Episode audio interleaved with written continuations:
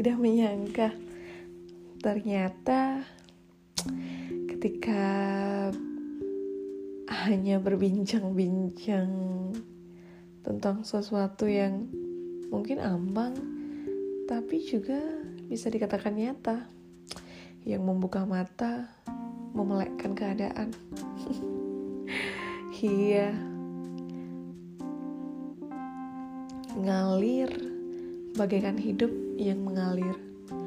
Jika mengikuti arus yang deras ya butuh tenaga yang ekstra.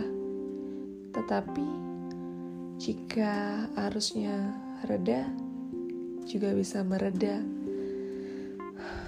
menghela nafas.